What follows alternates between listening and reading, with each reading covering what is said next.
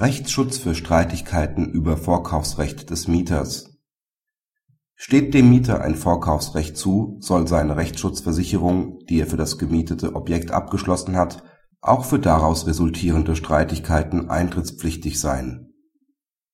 Der klagende Mieter, der über einen örtlichen Mieterverein bei der Beklagten für die angemietete Wohnung eine Rechtsschutzversicherung abgeschlossen hat, übt nach Umwandlung des Gebäudes in Wohnungseigentum das ihm zustehende Vorkaufsrecht aus.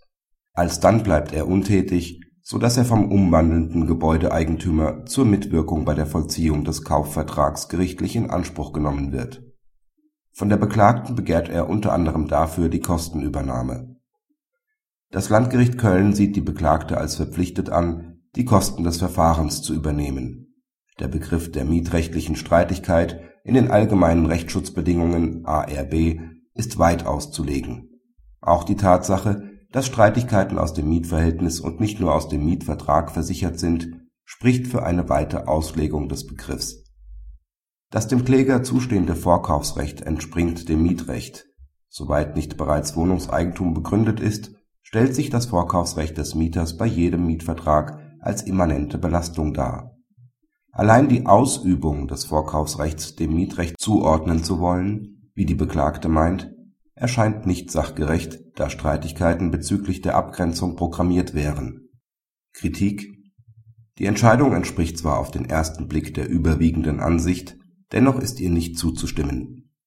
Dem Mieter steht nach § 577 BGB bei der Umwandlung eines Gebäudes in Wohnungseigentum ein Vorkaufsrecht zu. Den entsprechenden Anspruch, in den mit einem Drittel abgeschlossenen Vertrag einzutreten mag man dem Mietrecht zuordnen.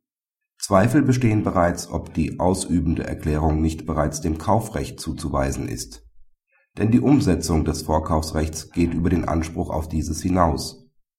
Soweit die Abwicklung des Vertrags, der mit dem Mieter durch die Ausübungserklärung zustande kommt, betroffen ist, muss von einer kauf oder werkvertragsrechtlichen Einordnung des Rechtsgeschäfts ausgegangen werden. Denn der Vertrag wird auch nach den dafür bestehenden Regeln abgewickelt Daher ist insbesondere dann, wenn der Mieter an der Umsetzung des von ihm übernommenen Vertrags nicht mitwirkt, eine Zuordnung zum Mietverhältnis nicht möglich